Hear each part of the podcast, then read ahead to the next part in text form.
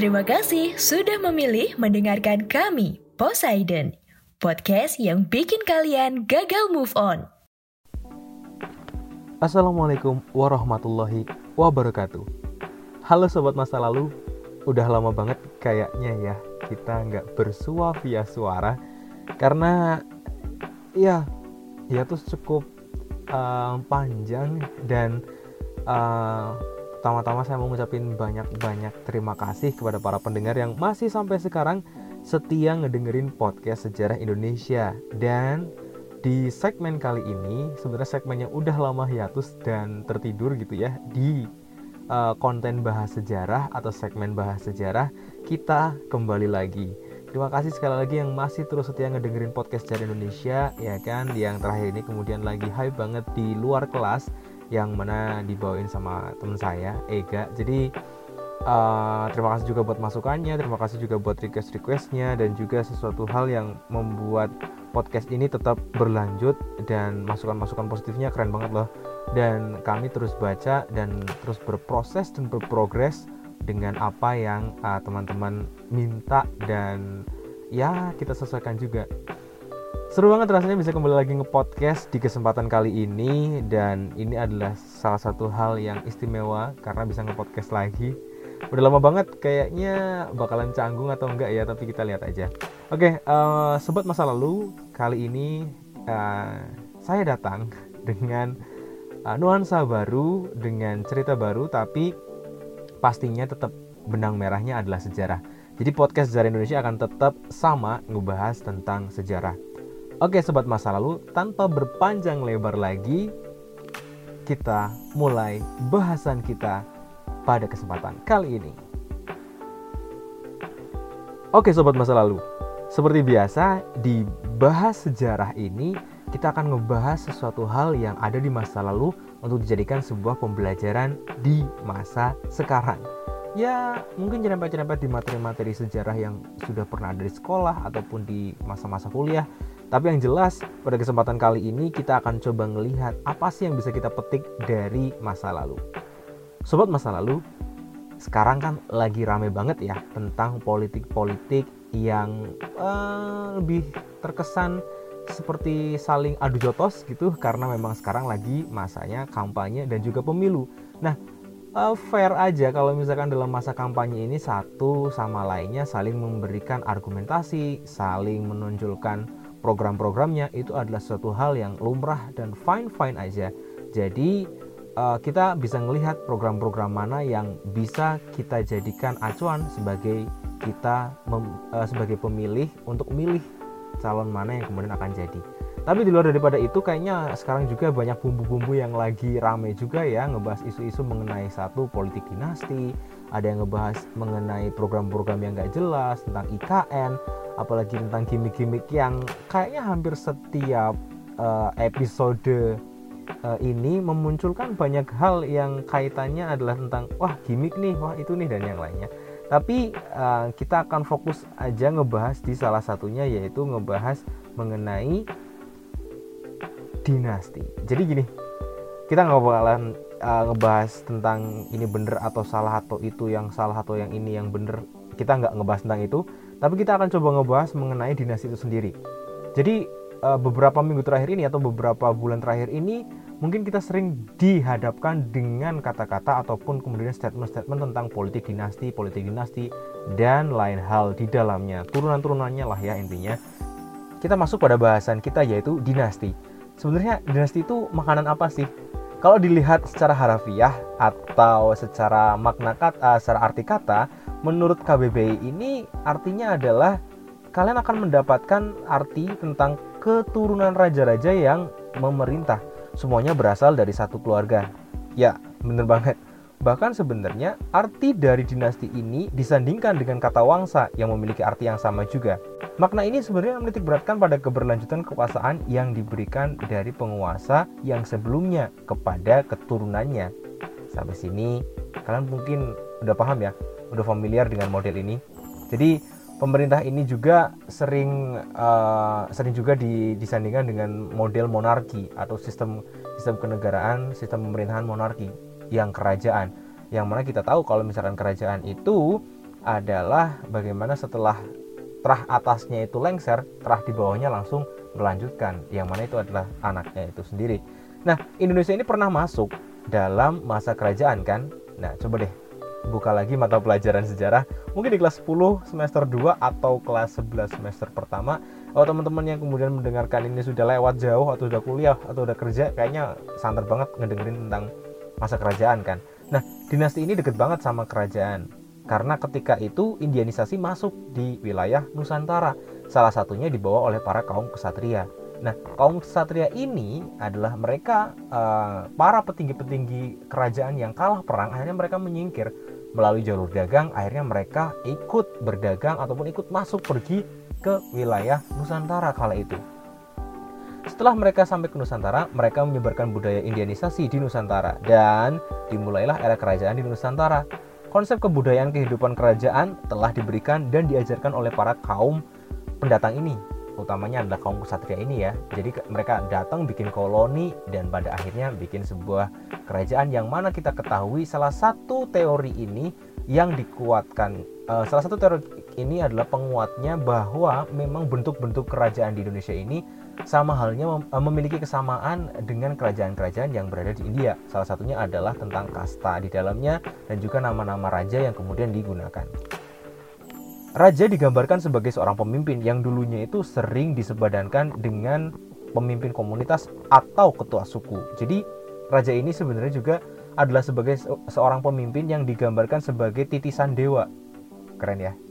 Kayak Dewa 19 mungkin bukan, tapi uh, percayalah bahwa raja zaman dahulu itu mereka memiliki kekuatan yang sangat luar biasa banget sehingga mereka didapuk sebagai titisan dewa jadi karena kasta tersebutlah maka raja ini adalah uh, orang yang dekat juga dengan kaum Brahmana. Jadi tingkatannya adalah Brahmana dan juga Ksatria. Orang-orang Brahmana ini adalah orang-orang yang dekat dengan keagamaan. Orang Brahmana ini sangat dekat dengan Ksatria. Kenapa? Karena di dalam kerajaan pasti harus ada yang namanya, kalau sekarang namanya one team press kali ya, Dewan pertimbangan presiden atau orang-orang yang membisiki presiden dan yang lainnya. Nah, kaum Brahmana ini ada di dalam sebuah kerajaan untuk memberikan pertimbangan kepada raja tersebut yang kaum Brahmana ini juga tahu secara uh, kepercayaan bahwa si raja ini adalah titisan dari para dewa. Oleh karena itu Brahmana akan dekat banget dengan hal-hal yang seperti itu. Balik lagi, tadi raja adalah titisan dewa yang digambarkan oleh para Brahmana. Kalau dia sebagai raja adalah gambaran atau titisan para dewa, berarti sudah dapat dipastikan keturunannya juga akan mendapatkan gelar yang sama karena masih mewarisi gen yang satu yaitu gen dari kerajaan tersebut atau dari ayahnya lah ya istilahnya seperti itu. Hal ini yang kemudian menyebabkan kenapa kerajaan harus dipimpin oleh terah dari keluarga raja atau keturunan raja langsung. Selain itu, sistem kasta yang dibawa oleh kebudayaan India inilah yang juga membuat segalanya itu bersifat statis. Jadi nggak hanya uh, kesannya nggak bisa dirubah karena memang kasta ini sangat keras banget, sangat kuat banget. Jadi uh, kasta di dalam uh, budaya ini ya walaupun tidak 100% tapi kemudian kasta ini kalau misalnya kaum Brahmana ya hanya boleh dengan kaum Brahmana kasta Satria hanya dengan kesatria nah beda dulu beda dengan sekarang. Kalau misalkan di era zaman dahulu ini kita tahu bahwa sistem kasta tersebut dan juga model-model tersebut yang membuat uh, bentuk-bentuk uh, yang membuat bentuk-bentuk dinasti ini kemudian muncul. Sekarang kita menggunakan proses uh, sekarang kita menggunakan sistem yang namanya sistem demokrasi. Nah sistem negara demokrasi ini yang mana pemerintahan kita dikuasainya seharusnya di tangan rakyat. Dan memang harusnya seperti itu. Kekuasaan terbesarnya di tangan rakyat. Bukan lagi di tangan orang-orang besar seperti para raja dan yang lainnya. Maknanya apa? Sebenarnya tetap sebuah bangsa dan negara harus memiliki seorang pemimpin tetap. Jadi nggak ada bedanya antara yang monarki ataupun kerajaan di zaman dahulu itu dengan sekarang kita harus punya pemimpin. Nah di Indonesia sendiri kita tahu bahwa pemimpinnya itu adalah seorang presiden atau menganut sistem presidensial. Jadi si presiden ini sebagai kepala negara dan kepala pemerintahan itu juga. Oleh karena itu karena kita menganut sistem demokrasi maka akan muncul sebuah kontestasi yang dinamakan dengan pemilu. Pemilu adalah bentuk bagaimana kemudian rakyat dan masyarakat ini oh, masyarakat ini bisa memilih pemimpinnya itu sendiri. Ya kan? Jadi rakyat bebas memilih siapa yang akan jadi calon pemimpinnya tersebut. Nah ternyata tapi kemudian demokrasi di Indonesia ini menganut sistem yang kemudian dicetuskan oleh Montesquieu yang mana uh, presiden itu nggak hanya sifatnya seperti raja. Jadi kalau dulu kan raja dia memegang semua bentuk kekuasaannya. Ya dia memimpin negara ya dia membuat peraturan ya dia uh, menjatuhkan hukuman kepada uh, semua hal yang salah menurut anggapannya dia tapi uh, di Indonesia ini kemudian kita menganut sistem yang dicetuskan oleh Montesquieu di mana ada eksekutif, legislatif, dan juga yudikatif. Ketiganya ini memiliki fungsinya masing-masing untuk saling istilahnya apa ya? Kayak nyari jalan agar negara ini bisa lebih baik gitu. Eksekutif menjalankan aturan, kemudian legislatif membuat aturan, kemudian yudikatif ini melihat adakah aturan-aturan yang salah ataupun keliru yang kemudian untuk dijatuhi sebuah hukuman atau sanksi kepada yang bersalah tersebut. Ketiganya saling keterkaitan sebagai keberimbangan sebuah kepemimpinan di sebuah negara tersebut. Dalam hal ini mungkin Indonesia ya, memang karena di Indonesia juga sama. Dengan model ini maka muncullah sebuah undang-undang yang mengatur jalannya sebuah kepemimpinan negara. Apalagi kemudian di sini presiden juga diatur di dalamnya bahwa dulu sebenarnya undang-undang ini belum direvisi yang mana bunyinya itu adalah uh, presiden itu dipilih oleh rakyat. Nggak ada bunyi kemudian setelah direvisi di sini muncul adanya kemudian presiden dipilih selama um, dengan masa jabatan lima tahun dan boleh dipilih lagi selama satu periode ya kan? Nggak boleh ya tiga periode atau empat periode kayaknya kelamaan.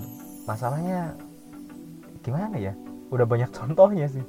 Udah ada contohnya udah ada contohnya. Udah ada contohnya yang kemudian kita tahu bahwa kepemimpinan yang terlalu lama juga akan menimbulkan satu hal yang kita sebut mungkin sebagai nepotisme, uh, sebagai korupsi mungkin atau sebagai kolusi kita nggak pernah tahu ya. Uh, coba cek lagi saja sejarah gitu ya, biar kita lebih tahu, biar kita lebih paham juga apa sih yang sebenarnya terjadi di masa lalu kalau misalkan seorang pemimpin ini memimpin sebuah kapal terlalu lama gitu. Uh, udah udah sering terjadi seperti itu. Oke, sekarang kita masuk. Ini hanya agak tepi jurang ya, tapi nggak apa-apa sih. Kita bahas pelan-pelan aja ya teman-teman. Mengutip dari laman Mahkamah Konstitusi Republik Indonesia, kita akan masuk ke bahasan tentang politik dinasti. Jadi kalau tadi kita ngebahas tentang kerajaan, terus kemudian kita ngebahas tentang dinasti di dalamnya, ya kerajaan itu adalah sebuah negara gitu ya. Gambarnya adalah sebuah negara, sebuah uh, di dalamnya ada kebijakan. Kita bicara tentang policy, kita bicara tentang politik di dalamnya. Nah, politik dinasti. Gimana sih bedanya dulu dengan sekarang? Kalau dari gambaran Mahkamah Konstitusi ini di lamanya langsung kalian boleh cek politik dinasti itu dapat diartikan sebagai sebuah kekuasaan politik yang dijalankan oleh sekelompok orang yang masih terkait dalam hubungan keluarga. Masih keluarga ya. Dinasti politik lebih identik dengan kerajaan sebab kekuasaan akan diwariskan secara turun-temurun dari ayah kepada anak agar kekuasaannya tetap langgeng di lingkaran keluarga tetap langgeng di lingkaran keluarga Lalu sebenarnya apa sih yang yang terjadi apabila sebuah negara ataupun sebuah daerah ini tetap mengaplikasikan model politik dinasti ini? Ada salah satu komentar ataupun kemudian eh, pandangan dari salah satu dari dosen Visipol UGM. Ada Pak Ari Bipayana. Tren politik kekerabatan itu sebagai gejala adanya neo patrimonialistik. Hmm, susah banget ya. Neo patrimonialistik. Jadi kalau misalkan gampangannya neonya kita hilangin aja dulu. Neo patrimonialistik. Jadi patrimonialistik itu sebenarnya adalah gambaran dari si si dinasti itu sendiri. Jadi bagaimana kemudian ada raja yang kuat kemudian dia didapuk sebagai seorang pemimpin setelah kemudian dia mandek setelah dia kemudian selesai maka kemudian dipilihlah pemimpin selanjutnya tapi berdasarkan dari genealogi. Kalau menurut beliau ini genealogi itu adalah terah kan terah kepemimpinan. Jadi kalau misalkan nih saya jadi raja gitu kan maka anak saya yang akan meneruskan uh, sebagai raja selanjutnya Nah, terus kemudian kenapa disebut sebagai neo patrimonial? Ada kata neo di depannya. Karena apa? Karena sebenarnya menurut uh, Pak Ari Dwi Payana ini, dia bilang bahwa sebenarnya praktek-praktek uh, kayak gitu di masa sekarang itu juga terjadi. Cuman uh, dia itu sudah dimodifikasi sudah lebih baru. Kenapa? Karena dalam hal ini dia uh, menggambarkan kalau dulu itu diwariskan langsung terhadap anaknya. Lewat genealogi ya lu anak saya lu anak gue kamu anak saya kamu langsung jadi pemimpinnya. Tapi sekarang lewat jalur politik yang prosedural. Contohnya anak atau keluarga para elit mas elit elit yang kemudian sekarang ada itu kemudian bisa masuk lewat jalur-jalur yang sudah disiapkan salah satunya adalah kalau uh, karena memang demokrasi kita itu adalah uh, adanya pemilihan uh, pemilihan pemilu seperti itu, maka calon-calon yang akan dicalonkan itu harus memiliki kendaraan. Kendaraannya adalah apa? Kendaraannya adalah partai politik. Oleh karena itu kemudian mereka yang akan mencalonkan diri mereka harus masuk jalur-jalur politik. Nah, silakan teman-teman lihat tuh. Banyak kan misalkan uh, apa ya orang-orang yang kemudian dia punya keturunan terus kemudian dia dimasukkan uh, misalkan satu keluarga tiba-tiba kemudian saya keluarga A mau mau masuk partai A nanti anak saya oh masuk partai ini aja terus-terus dan yang lainnya kayak gitu. Nah itu adalah sebenarnya gambaran dari neo patrimonialistik sebenarnya. Jadi kita bisa melihat bahwa bentuk barunya itu adalah bentuk baru di mana sistem ini tuh ada tapi dengan cara-cara yang lebih prosedural. Jadi kalau misalkan hilang banget enggak karena memang sebenarnya praktik seperti ini memang uh, gimana ya? Uh, dibilang mendarah daging juga enggak, tapi dibilang enggak juga ini ada gitu loh. Oleh karena itulah kemudian sistem-sistem seperti ini tuh masih ada di Indonesia dan kemudian uh, dimodifikasi aja kayaknya kayak kayak mobil ngerubah body doang gitu jadi tetap tetap aja masih ada. Nah kalau berkaca dari masa lalu sebenarnya kita bisa belajar sih. Bisa belajarnya adalah di zaman dahulu aja dengan menerapkan politik dinasti atau dengan terah keturunan itu jadi raja ini menjadi sumber masalah. Walaupun masalahnya itu uh, tidak letterlek tentang hal-hal yang sifatnya adalah beda program atau beda visi atau apa segala jadi teman-teman, dampaknya ini sebenarnya bisa kelihatan gitu ya. Kalau misalkan ya nggak letterlock seperti itu, cuman memang kalau kita misal mau belajar, sebenarnya yang terjadi adalah ketika kerajaan-kerajaan dulu sempat uh, runtuh atau mengalami sebuah kemunduran, memang salah satunya diakibatkan karena adanya perang saudara yang mana di dalamnya itu antara si anak dari permasyuri dan anak dari selir itu kadang mereka itu berebut tahta kekuasaan. Karena memang raja itu dulu uh, dia lebih uh, memilih bukan memilih apa ya punya lebih dari satu pendamping satu permasyuri bahkan mungkin selirnya banyak gitu. Nah karena selirnya ini banyak anaknya itu juga uh, mencoba untuk mengambil tahta kekuasaan dari kerajaan tersebut. Kalau misalkan menurut dari apa ya di kerajaan tersebut yang sah ya memang dari anak dari permasyuri tersebut yang sah yang yang bisa menggantikan dari ayahnya yang mana selanjutnya sering terjadi pergolakan-pergolakan yang tidak ayal membuat kerajaan tersebut pada akhirnya jatuh karena adanya perang saudara. So teman-teman, kalau kita mau belajar dari sejarah, hmm, rasa-rasanya dilihat dari beberapa peristiwa-peristiwa di masa lalu pun itu memunculkan adanya permasalahan ya, ada ada adanya sebuah konflik. Kalau misalkan mau diteruskan di masa-masa selanjutnya, sepertinya kayaknya kita harus bisa lebih banyak belajar deh dari sejarah sehingga hal-hal yang negatif justru tidak uh, banyak muncul lagi di di kemudian hari oleh seperti itu. Jadi sebenarnya ada antitesisnya atau kemudian ada lawannya kalau misalkan mau tidak melaksanakan politik seperti ini lagi di masa yang akan datang. Sekarang lebih fokus kepada yang namanya kalau misalkan teman-teman pernah dengar itu adalah merit system. Jadi merit system ini uh, yang mungkin sering disebutkan oleh uh, apa ya oleh elit-elit politik sekarang itu bahwa kemudian untuk mencapai sesuatu di titik tertentu gitu ya misalkan saya mau menjadi sebuah menteri gitu itu dilihat dari kemampuan saya. Uh, banyak kan teman-teman lihat kayak misalkan mereka yang punya kemampuan mereka yang punya kapasitas terhadap tempat-tempat uh, uh, tertentu ataupun skill-skill tertentu ya sorry uh, itu ditempatkan di posisi tertentu. Misalkan dulu Menteri Pendidikan kita adalah Bapak Nadiem Anwar Makarim itu kan dulu di startup gitu kan. Terus kemudian karena kemampuannya dia, kemudian mencoba untuk menarik, uh, mencoba untuk ditarik di dalam sebuah pemerintahan.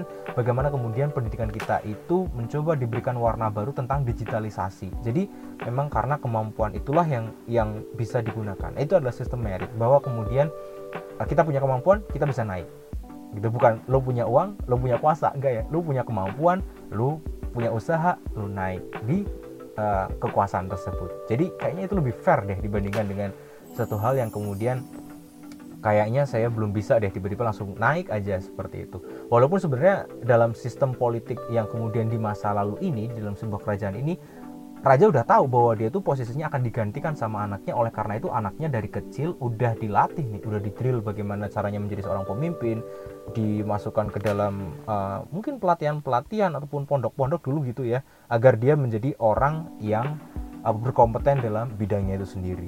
Ya kan? Jadi kalau misalkan teman-teman tadi ngeliat gambaran juga sama sebenarnya kan? Hampir mirip dengan dengan model-model yang kayak sekarang. Kalau sekarang misalkan membuat partai politik yang kemudian uh, beberapa dari anggota keluarganya bisa masuk di sana dan kemudian bisa berproses di sana dan bisa masuk juga di dalam uh, eksekutif mungkin, legislatif mungkin ataupun yudikatif tersebut. Nah, oke okay, teman-teman, jadi kayaknya bahasanya cukup sampai situ aja deh. Teman-teman bisa belajar dari masa lalu sedikit gambaran tentang bagaimana sih uh, dinasti ataupun kemudian politik dinasti di masa lalu dan di compare dengan apa yang terjadi di masa sekarang semoga itu bisa jadi pembelajaran dan kita sama-sama belajar juga. Itu saja sih kayaknya yang bisa saya sampaikan. Teman-teman tetap dukung podcast dari Indonesia ya. Kayaknya uh, kita akan mulai lagi deh. Nah, oleh karena itu kita butuh bantuan sama teman-teman. Semoga teman-teman bisa uh, apa ya support lagi untuk mendengarkan podcast secara Indonesia. Oke, okay, kalau misalkan teman-teman uh, punya saran dan kritik silahkan langsung saja di Instagramnya podcast secara Indonesia uh, langsung aja ke DM-nya di sana ataupun di email podcastsejarah@gmail.com. Silakan teman-teman boleh ngasih masukan di sana. Ataupun mau request bahas ini Kak, bahas itu dan yang lainnya silahkan aja. Oke, saya Taufik Harpan Aldila undur diri pamit. Terima kasih. Assalamualaikum warahmatullahi wabarakatuh.